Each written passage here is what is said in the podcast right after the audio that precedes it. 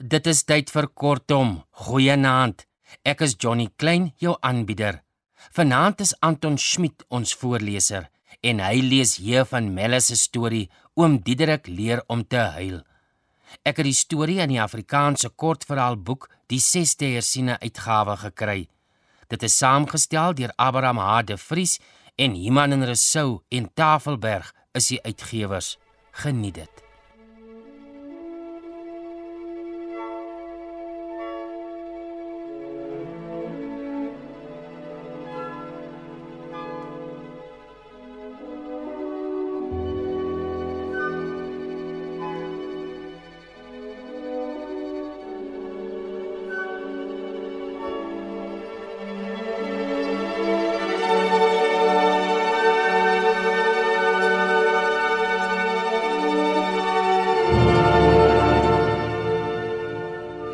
Koers was daardie jaar baie kwaai.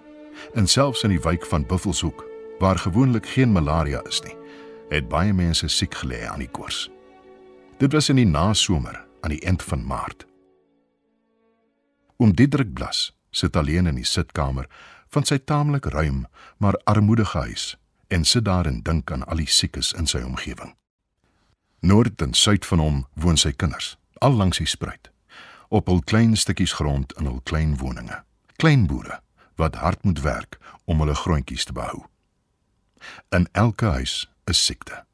In hul klein lae kamers lê die siekes. Groot mense en kinders in die hitte van die nasomer en bewe van koue of woel in koorsitte, smagtend na koelte. Die armoede is ook groot. En 'n menige huis het hulle gebrek aan die dinge wat 'n siek mens nodig het. Sy vrou kom in die kombuis en praat met hom. Dis alweer oor die siekte. Sy staan daar in die deur, oud en grys, krom en maar, verwaarloos deur sorge en ontbering. Flip het ook weer aangeval, sê sy. Hulle pas hom ook nie op nie. Sy het dieselfde 'n uur gelede ook al gesê. En hy begryp dat sy na geselskap verlang. Maar na 'n paar minute verval hy weer in gepeins. Dit druk haar dat hy so weinig spraaksaam is. Dit maak haar so triestig as hy daar so stil sit sonder om 'n woord te sê. Met 'n sug gaan sy weer weg.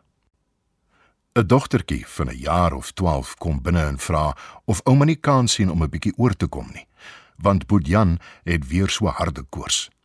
"Ma weet nie wat om te doen nie," sê die kind. "En pa is nie by die huis nie." Hy roep na haar. "Gaan maar tog weer bietjie so intoe." Sê hy. Toe sy vrou weg is, dink hy: Ek is verwonder dat die koors my nog nie aangetas het nie. Maar een van die dae sal hy my seker ook kry. Iemand klop en hy staan op.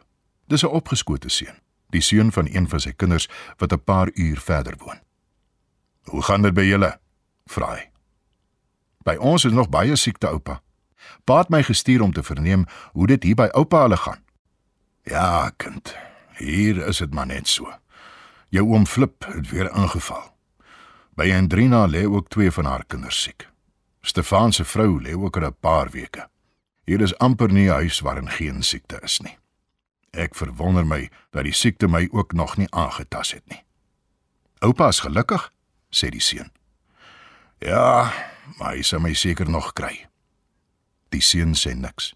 Weet nie watter antwoord hy daarop moet gee nie. Toe hy weg is, loop oom Diedrik uit na sy mielielande. Hoog en groen staan die mielieplante in die hitte van die warm voormiddag. Weelderig met groot koppe. Dit kan 'n goeie oes word, dink hy. Maar mens weet nie of hy nog sal sien dat hierdie mielies gedors word nie. Na 'n tyd sien hy sy vrou weer terugkom. Dit val hom by dat hy die laaste tyd so min met haar gesels, so met sy eie gedagtes besig is dat hy die geselskap verwaarloos. Dis darm nie goed nie, dink hy. Hy gaan haar tegemoet en vra haar uitvoerig uit en dit beur haar op dat hy weer so spraaksaam is. Dis altes waar as mense net twee in die huis is en een sê amper geen woord nie, dink sy. Een bedompig warm middag, terwyl hy in die huis by sy oudste seun sit, voel hy die koue hom bekruip. Sy seun sien dit. Pa voel tog nie siek nie, vra hy. Ek voel of ek wil koud word, sê hy. Ek wil maar weer loop. Wag, ek se gou inspan, sê sy seun. Nee, toe maar. Dit is nie ver nie. Miskien is dit goed as ek 'n entjie stap. Maar toe hy by sy huis kom, is hy so duiselig dat hy op sy bene wankel. Dadelik gaan lê hy, en terwyl hy rillend in mekaar krimp van die koue koors, sê hy elke maal by homself: "Hier het hy my nou ook. Ek het dit verwag."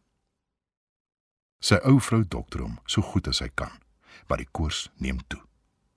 Van koue wat hom laat bewe dat sy koei skud, kom hy dan langsaam in 'n hitte wat hom na koelte laat smag. Dan lê hy uitgeput tot die koue koors weer vat. So gaan daar verby met tye dat hy helder van gedagte is en tye dat hy nie weet wat hy praat nie, dat hy dinge om hom sien wat nie bestaan nie, tot daar 'n ding kom wat sy denke een rigting laat loop. Dis 'n droom wat elke maal terugkom. Dit gaan aan as hy wakker lê en terwyl hy slaap, ook as hy by tye by sy bewussyn is. En dan nog gaan hy met die droom aan. So gaan dit dae aan mekaar. Hy droom dat hy met kar en perde ry, 'n lang pad. Hy sit alleen op die kar met sy oë benoud met die pad af, want 'n vrees is in hom dat hy by 'n hek sal kom. Daar is geen rede om bevrees te wees vir 'n hek nie, want hy kan dan mos maar afklim en die hek oopmaak. Maar tog maak die gedagte dat hy moontlik voor 'n hek sal kom hom so bevrees dat hy vir niks anders aandag het nie as net daarvoor. Maar die pad is oop en geen hek hou sy voortgang op nie. Tot hy met eens sien dat daar 'n draad oor die veld en oor die pad gespan is en hy die palle van 'n hek sien. 'n Skok gaan deur hom. Sien nou die hek is toe. Maar toe hy naderkom, sien hy dat die hek oop lê. Dis maar 'n draadhek en lê daar neergegooi aan die kant. Met 'n sug van verligting ry hy deur. Hy lê daar op sy bed in die donker, bedompig warm kamer met sy broek en hemp en sokkies aan, heet van die koors en woel onrustig. Soms maak hy sy oë oop en dan kan mens sien dat hy de mekaar is. Hy gooi homself heen en weer. Hy mompel. Sy vrou sit by sy bed. Sit elke maal nat lappe op sy voorkop. "Daar's 'n hek," sê hy verskrik. Toe sê hy: "Gelukkig lê hy oop." dan lê hy weer 'n rukkie rustiger. So ry hy verder. Elke maal is daar weer 'n hek, maar die hekke is altyd oop en sonder dat hy self nodig het om af te klim, ry hy deur. Tog laat elke nuwe hek hom weer skrik. Naderhand kom hy voor 'n hek wat toe is. 'n Man staan by daardie hek. 'n Gewone man, 'n gewone plaasboer soos mens baie ontmoet. Hy hou stil en wag of die man die hek sal oopmaak. "Waar hy hom heen?" vra die man. Daarop het hy nie dadelik 'n antwoord nie. Toe sê hy: "Waar almal heen ry?" Die man maak die hek oop. "Ry maar," sê hy. So hou dit aan. Elke maal is daar 'n hek en staan daar 'n man wat hom vra waarheen hy ry en altyd gee hy dieselfde antwoord. Maar sy vrees word altyd sterker. Miskien sal hy voor 'n hek kom waar 'n man staan wat nie wil oopmaak nie. Maar dit gaan goed.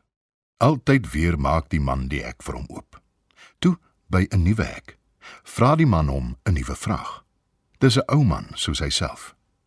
"Wie is neef?" vra die man. "Ek is Diedrik Blas," sê hy. Diedrik Blas wat in die Eerste Vryheidsoorlog aan die slag by Bronkhorstspruit onder kommandant Frans Joubert by was. "Ja, ek was daar." Die ou man maak die hek vir hom oop. "Ry maar," By elke hek wat hy moet deur, staan daar nou net so 'n ou boer. Hulle lyk almal soos die ou mense wat al bejaard was. Toe hy nog maar 'n opgeskote seun was. Manne met lang baarde en klapbroeke en ouderwetse geweers. "Wie is neef?" vra hulle. "Ek is Diedrik Blasoom," sê hy dan nederig.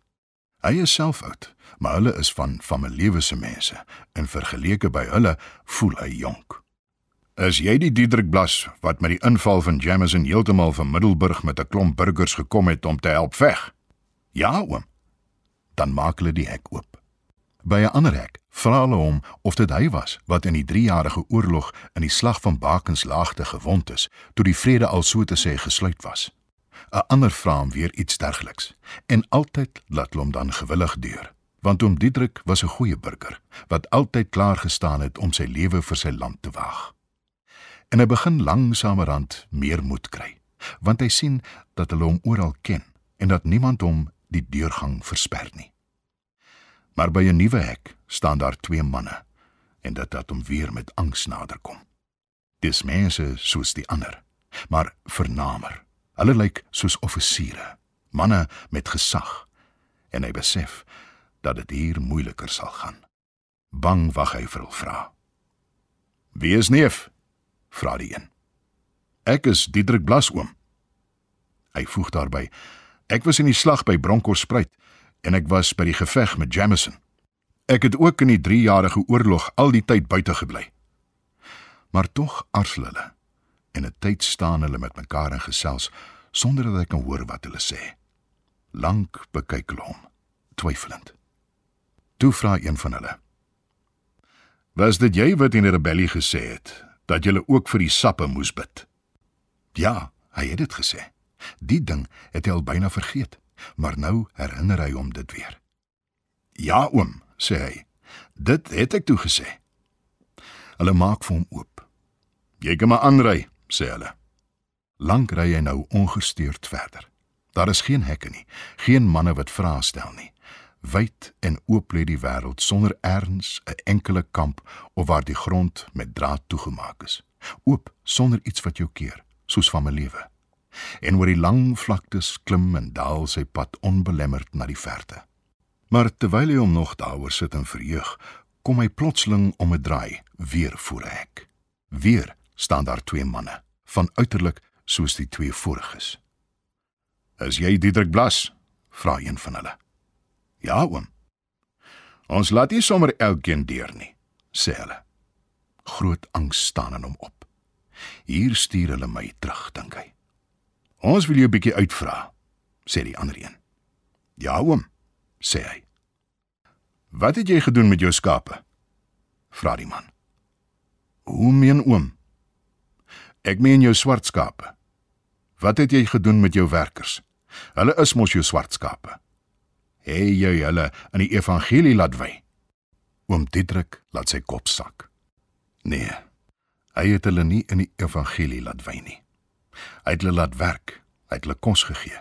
Hy het hulle nie sleg behandel nie, maar moeite om hulle te bekeer het hy nie gedoen nie. Net met een of twee het hy moeite gedoen. Daaraan dink hy nou. Nee, sê hy. Met boeke vat was party soms by, dis al en dan soms byvoorbeeld met windvoël.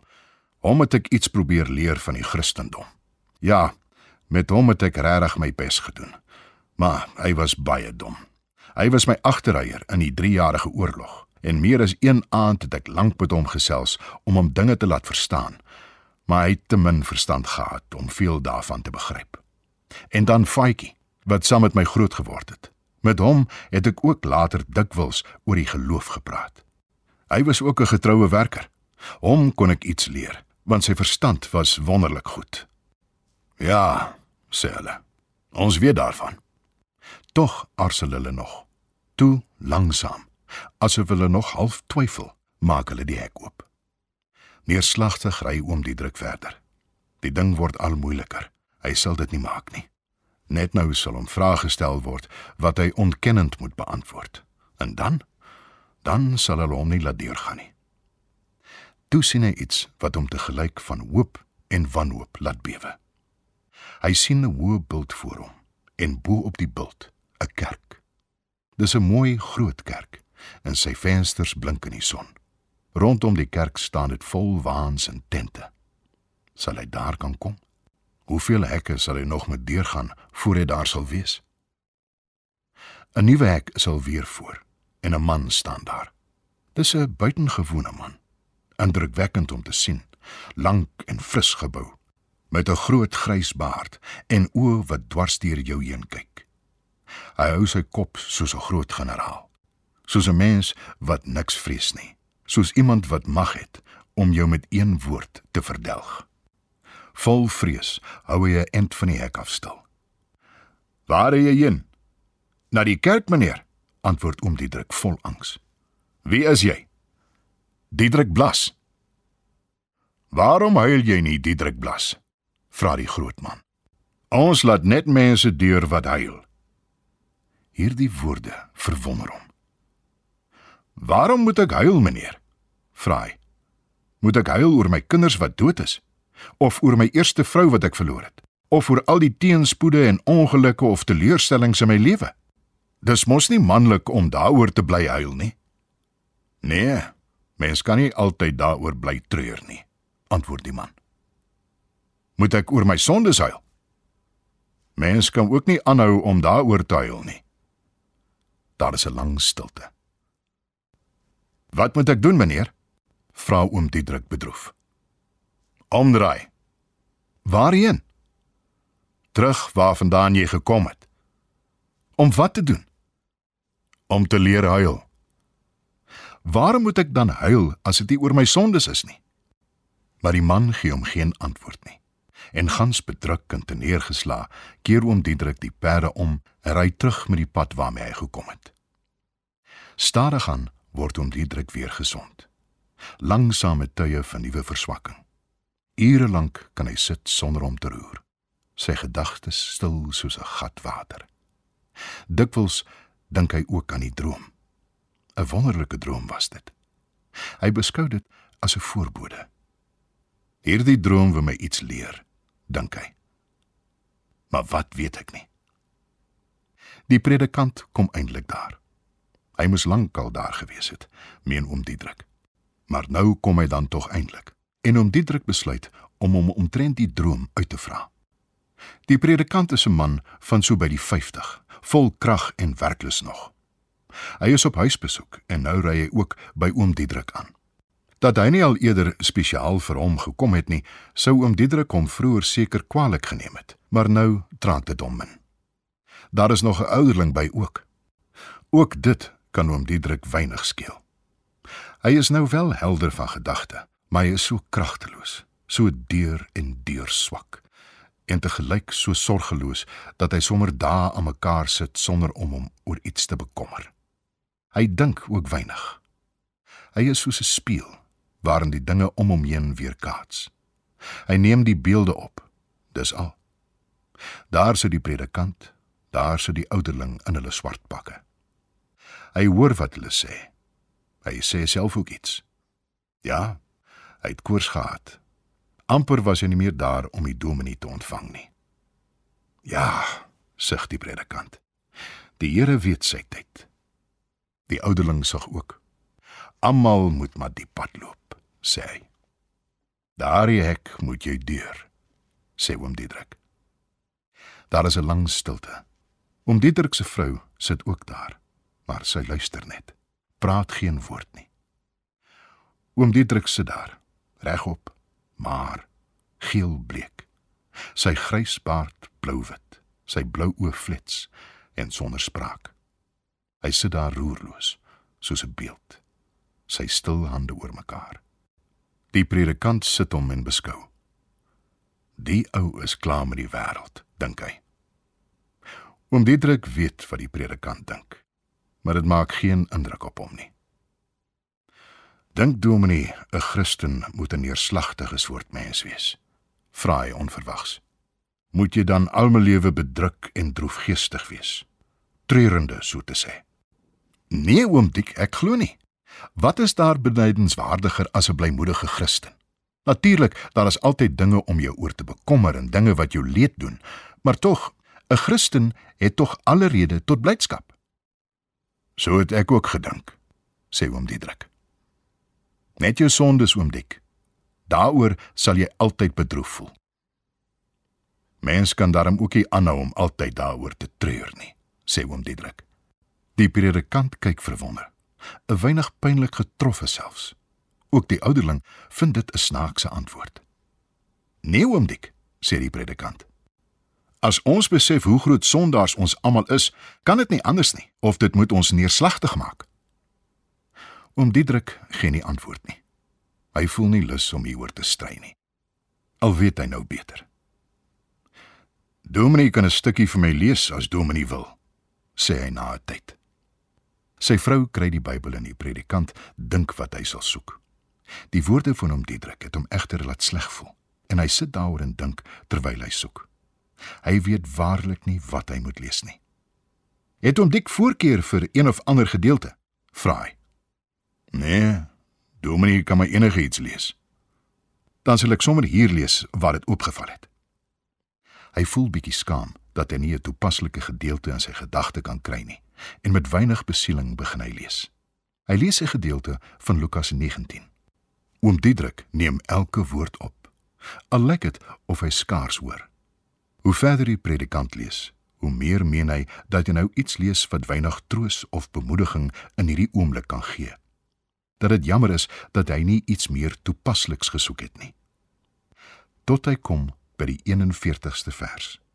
En al sy naby kwam en die stad zag, wenende hy oor haar. Toe hy daar kom, sê oom Diedrik: Dankie Dominee. Dis genoeg. Ek weet nou wat ek geweet het. Verwonderd wag hulle of hy meer sal sê. Maar hy bly swyg. Wat is dit oom Dik? vra die predikant. Wat is dit wat oom Dik wou geweet het? Maar oom Diedrik het geen lus om van die droom te vertel nie. En hy sê: "Die woord is darm wonderlik, Dominee. Dit gee jou antwoord op al jou vrae." Ja, oom Dik? vra die predikant. Maar oom Diedrik sê niks meer nie. Roerloos sit hy daar soos 'n beeld van was. Hy sit daar so stil asof alles in hom onbeweeglik is, asof al sy gedagtes slaap, soos 'n grou water in skemering, soos 'n sandplaat by nag. Hulle sit hom en bekyk. 'n Ou man, 'n mens by die poort van die dood, een wat die hek weldra sal deurgaan. 'n buitengewone stemming is in die kamer. Sonder beweging sit die vier mense daar en niemand praat 'n woord nie. Die drie sit soos die drie wat kyk hoe een van hulle vergoed weggaan. Soos drie mense 'n waan na kyk wat wegry. Daar gaan hy heen en neem alles saam wat hy het. Sy geloof, sy berou, sy werke, goeie en slegte. Watter soort vrag is daar op sy wa? So sit hulle daar en dink. Die son sak en goudagtig skyn sy strale deur die een venster. Die stil mense maak dit alles nog plegtiger. Eindelik staan die predikant op en om Diedrik sit weer alleen met sy gedagtes. Hy sien dat sy kar ingespan staan, opgepak en klaar om te ry. Alles wat hy nodig het, is op. Net die trane, die regte trane ontbreek. Hy sien vooruit reeds al die hekke wat hy sal moet deurgaan en hy weet nou dat dit nie moeilik sal wees nie. Dat hom sal deurlaat. Net die laaste hek sal hy nie kan deurgaan nie. Daar gaan alleen die mense deur wat huil. Trane huil wat nooit ophou vloei nie. Waar jy is, hier op aarde of van die aarde weg, aanhou vloei solank die mensdom in nood en sonde leef mag hy dan nie daardie trane hê nie. Groot droefheid vervul hom. 'n Bitter droefheid dat hy oud geword het. 70 jaar geleef het sonder daardie trane te huil. Regtig daardie trane te huil. En hy bid om daardie droefheid wat sal aanhou. Aanhou solank die son op 'n onveranderde aarde skyn.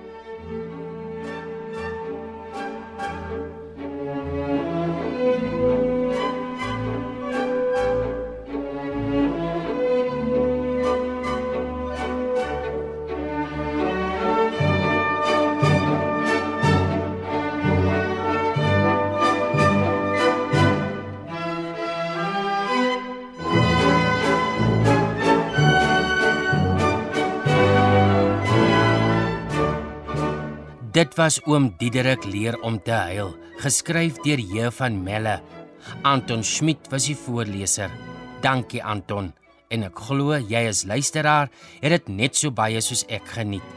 Ek, Johnny Klein, groet jou tot 'n volgende keer. Pas jou op en mooi bly.